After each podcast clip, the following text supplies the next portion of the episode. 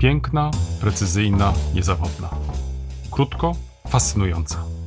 Lajka, bo o niej mowa, nie pozostawia nikogo obojętnym. Nie jest zwykłym aparatem fotograficznym, jest mitem, który trwa. Podcast Wielka Historia Małego Aparatu chce się zmierzyć z historią tego aparatu fotograficznego, jego twórcami i użytkownikami, lajkistkami i lajkistami i jego mitem. Od skonstruowania aparatu nazwanego Urlajka do wprowadzenia jego poprawionej wersji do seryjnej produkcji w 1925 roku minęło ponad 10 lat. Czym wytłumaczyć tą zwłokę? Odpowiedź na pierwszy rzut oka może się wydać oczywista. To wydarzenia polityczne, I wojna światowa i jej skutki, a przede wszystkim kryzys gospodarczy i hiperinflacja. Ale to nie wszystko. W wyniku I wojny światowej zakłady Lajca straciły tradycyjne światowe rynki zbytu dla swych podstawowych produktów. Powrót do wcześniejszego trybu funkcjonowania był ogromnie utrudniony. Zakłady Lajca stanęły nawet przed widmem znacznego ograniczenia produkcji i masowego zwalniania załogi. Byłoby to i z tego powodu porażką, że od początku istnienia firma Zweclar prowadziła prosocjalną politykę, dbała o swych pracowników, ceniła ich przywiązanie do przedsiębiorstwa. Redukcja zatrudnienia byłaby przekreśleniem dotychczasowej filozofii działania.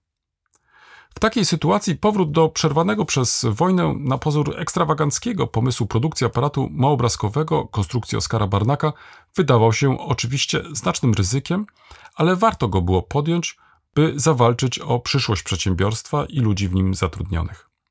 Tylko ryzykowne rzucenie się na głęboką i nieznaną wodę mogło przynieść ratunek. Krótko przed wybuchem I wojny światowej Ernst Leitz Jr., syn właściciela, przebywał służbowo w Stanach Zjednoczonych i robił zdjęcia za pomocą jednego z dwóch prototypów aparatu skonstruowanego przez Oskara Barnaka. W czasie krótkiego pobytu przekonał się o niezwykłych możliwościach małego aparatu i po powrocie, jak można znaleźć w literaturze, miał stwierdzić, że projektu tego nie należy tracić z pola widzenia. Pierwsza wojna przerwała jednak dalsze prace nad aparatem. Zakłady Lajca musiały zmienić, jak wiele zakładów w tym czasie, profil produkcji. Wielu pracowników powołano do wojska, tylko część ze stałych pracowników pozostała na swych stanowiskach. Mężczyzn często zastępowały kobiety i jeńcy wojenni. W związku z coraz większym brakiem rąk do pracy zaczęto zmieniać prawo o zatrudnieniu kobiet i młodzieży. W 1917 roku wprowadzono nowe przepisy regulujące kwestie ochrony zdrowia i bezpieczeństwa pracy w stosunku do tych grup osób. Firmy otrzymały specjalne zezwolenia na wprowadzenie wydłużenia czasu pracy i pracy zmianowej. Na cele wojenne stworzono w zakładach Lajca nowe działy produkcji instrumentów optycznych. Oprócz teleskopów produkowano peryskopy wojskowe przydatne w okopach, kontomierze artyleryjskie, lunety do karabinów maszynowych i kamery do samolotów. Oskar Barnak, który prawdopodobnie ze względów zdrowotnych, kłopoty z astmą, nie został powołany do wojska, przestał pracować nad udoskonaleniem aparatu, w to miejsce konstruował różne instrumenty optyczne na potrzeby armii. Zachowały się zdjęcia, na których prezentuje swe wynalazki. Nie porzucił jednak fotografowania. Z pomocą prototypu lajki wykonywał kolejne zdjęcia. Jedno z pierwszych z tej serii zrobił w czasie spaceru Wetzlar w sierpniu 1914 roku. Pokazuje ono żołnierza Reichswehry w charakterystycznej pikielhaubie, przybijającego na słupie odezwę cesarza Wilhelma II, wzywającą do totalnej mobilizacji. Przez wiele lat pracowałem z tym pierwszym modelem i nadal posiadam wiele zdjęć z tego okresu. Pisał Oskar Barnak w artykule Widi Leica Entstand, jak powstała Leica z 1931 roku. Jednak dalszy rozwój aparatu został tymczasowo zatrzymany przez wybuch wojny. Do zrobienia były ważniejsze rzeczy. Jednak dzięki licznym zdjęciom wykonanym w latach wojny zdobyłem bardzo pouczające doświadczenia, dzięki którym, gdy później dyskutowano o kwestii produkcji, udało mi się wprowadzić do niej model w dość krótkim czasie. Koniec cytatu. Pierwsza wojna światowa miała jeszcze inny wpływ na zakłady Lajca. Jako światowy producent precyzyjnych narzędzi optycznych było one uzależnione w dużej mierze od eksportu. Firma przez dziesięciolecia budowała swoją markę w Stanach Zjednoczonych, Wielkiej Brytanii i jej koloniach oraz czego nie należy zapominać także w Rosji. Teraz rynki te w większości odpadły. Dodatkowym utrudnieniem były wysokie cła na produkty optyczne z Niemiec, które nałożyła Wielka Brytania celem ochrony rodzimego przemysłu. W pierwszych latach po zakończeniu wojny nie było warunków, ale także atmosfery w Niemczech do podejmowania śmiałych wyzwań.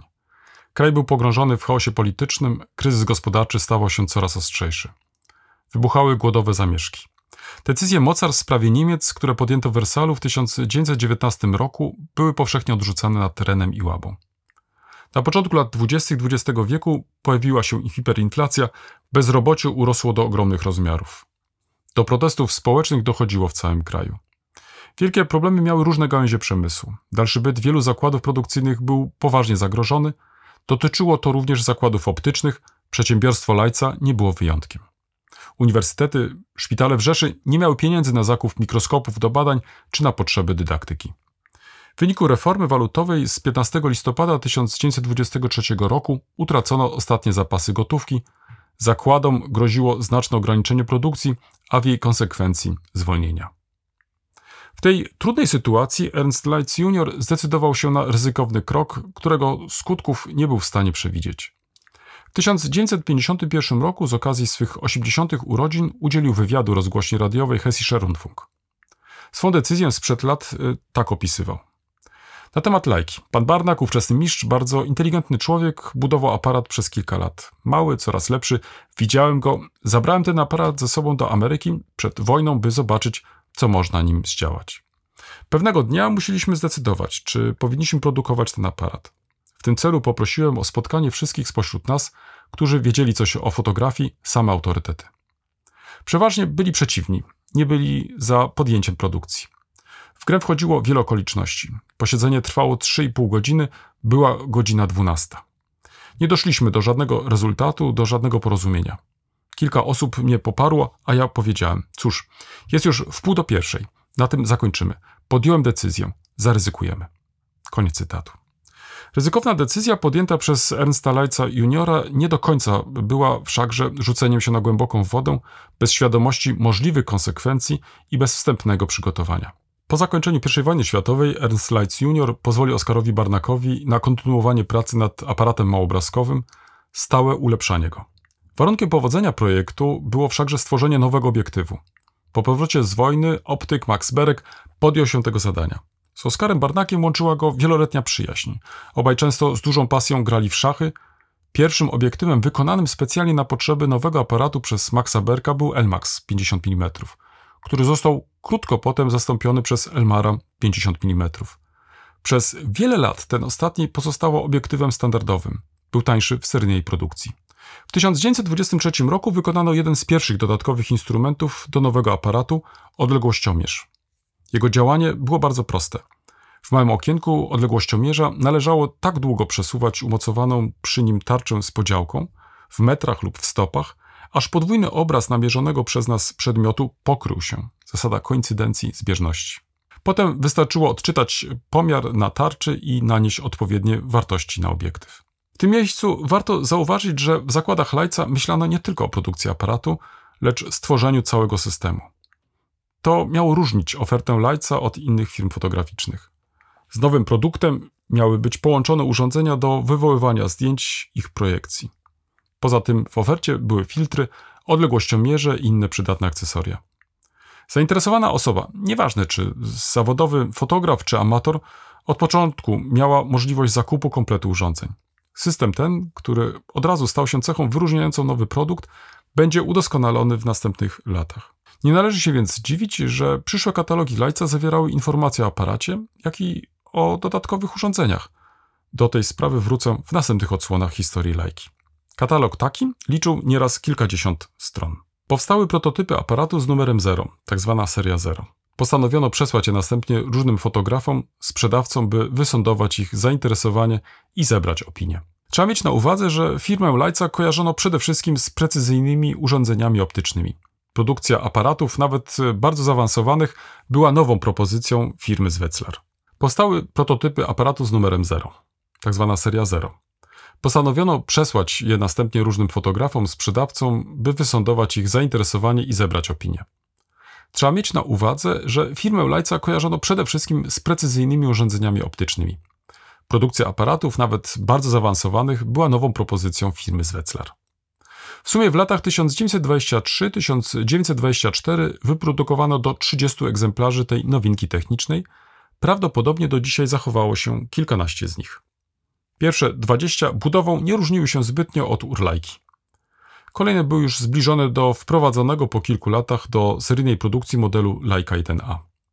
Tak opisano funkcjonowanie aparatu i jego system w broszurze wydanej przez zakłady Lajca po polsku w 1931 roku. Zachowałem oryginalne brzmienie tekstu. Wszystkie zalety obiektywu nabierają dopiero właściwego znaczenia w połączeniu z zatrzaskiem zasłoniętą w czasie napinania szczeliną migawki. Migawka zatrzasku pozwala na dokonywanie zdjęć czasowych oraz migawkowych w granicach od 1,20 do 1,500 sekundy. Krótka odległość ogniskowej umożliwiła zastąpienie zwykle małotrwałego mieszka przez chowaną do wnętrza kamery nasadkę rurową. Nasadka ta jest równocześnie oprawą obiektywu działającą dzięki ryglowi zespołowemu sprawniej i pewniej od zwykłego mieszka. Poza tym urzeczywistnia zatrzask jeszcze jedno ulepszenie, polegające na sprzęgnięciu mechanizmu migawki z przyrządem do przesuwania naświetlonej wstęgi filmowej.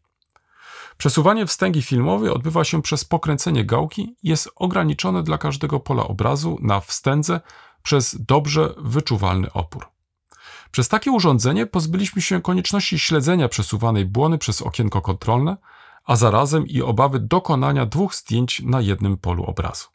Co więcej, przesuwając w czasie napinania migawki nowe pole obrazu przed obiektyw, posiadamy kamerę w stałym pogotowiu do zdjęć i nie tracimy bezpowrotnie, jak to bywa przy innych aparatach, żadnego motywu, żadnej ciekawej sceny. Koniec cytatu. Zachowane do dzisiaj egzemplarze serii 0 w większości znajdują się w rękach prywatnych kolekcjonerów. Na rynku osiągają bajeńskie sumy. Przykładowo na aukcji w Wiedniu w 2018 roku sprzedano egzemplarz 0, numer seryjny 122, za 2,4 miliona euro. Według Paula Henry'ego van Haasbrücka, autora obszernej publikacji poświęconej historii lajki, wśród posiadaczy jednego z tych rarytasów, prawdziwych białych kruków fotografii, jest prywatny kolekcjoner z Warszawy. Czy można takim aparatem zrobić jeszcze zdjęcia? Jak wypada porównanie aparatu sprzed lat z obecnymi propozycjami firmy? Jak sprawdzają się współczesne filmy włożone do prototypu lajki? Przekonał się o tym Hans-Günther Kisselbach, lekarz z Wetzlar, syn Theo Kisselbacha, długoletniego szefa działu promocji i szkoleń aparatów Leica, autora licznych poradników fotograficznych. Hans Günther jest autorem bogato ilustrowanej książki Barnacks Erste Leica, Das zweite Leben einer vergessenen historischen Kamera. Pierwsza Leica Barnaka, drugie życie zapomnianego historycznego aparatu. W zbiorach ojca znalazł on jeden z prototypów Leica z serii Zero. Postanowił zrobić nim kilka zdjęć z użyciem współczesnego filmu. Pierwsze próby były rozczarowujące. Wszystko różniło ten dawny aparat od współczesnych. Odległość i ostrość trzeba było ustawiać ręcznie. Pierwsze problemy zaczęły się od odpowiedniego włożenia filmu. Potem pojawiły się kolejne. Z biegiem czasu Kisselbach uporał się z nim i po wielu próbach i szeregu błędów udało mu się w końcu wykonać poprawne zdjęcia. Posługiwanie się prototypem lajki zaczęło go coraz bardziej wciągać. Tak powstał projekt, który trwał 4 lata. Każdą wolną chwilę Kisselbach poświęcał na fotografowanie. Zmieniał czułość filmów, dzielił się także swoimi wrażeniami. Powstały krótkie, zdjęciowe fotoreportaże, portrety, zdjęcia plenerowe, uliczne czy z ujęciem wnętrz. Ujawniła się wszechstronność aparatu. To właśnie zastosowanie filmów o dużej czułości sprawiło, że fotografowanie w każdej niemalże sytuacji stało się możliwe. Tylko robienie przeźroczy z użyciem zabytkowego aparatu nie sprawdziło się. Zbyt gruby film. Teraz jesteśmy w erze fotografii cyfrowej, pisał w podsumowaniu wieloletniego projektu Kisselbach. Ale nawet z tą nową technologią wciąż uczymy się widzieć. Udało mi się zrobić czyste zdjęcia przy użyciu prototypu aparatu Barnaka, co sprawiło mi ogromną przyjemność. Wiele się nauczyłem. To było jak jazda zabytkowym samochodem. Koncentrujesz się na tym, co najważniejsze. Leitz dość szybko przekonał się, że jego decyzja, choć ryzykowna, była strzałem w dziesiątkę i wpłynęła na rewolucję fotografii. Przedstawienie pierwszego masowego aparatu małoobrazkowego Leica 1A w czasie wiosennych targów w Lipsku w 1925 roku zapoczątkowało proces zmian, którego nie dało się już powstrzymać. Fotografia miała trafić pod przysłowiowe strzechy. W drugiej połowie lat 20. XX wieku zmienił się powoli klimat polityczno-gospodarczy w Niemczech. Wkraczały one w. Tak złote lata 20. Widocznym przejawem był rozkwit niemieckiej sztuki, kultury i nauki. Pojawienie się nowego kieszonkowego aparatu małoobrazkowego wpisywało się bardzo dobrze w nową atmosferę drugiej połowy lat 20. XX wieku i stanowiło zapowiedź rewolucji w sztukach wizualnych.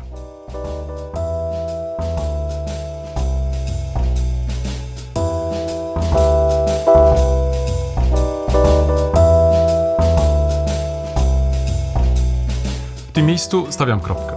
To nie koniec, a zaproszenie do dyskusji i następnego odcinka.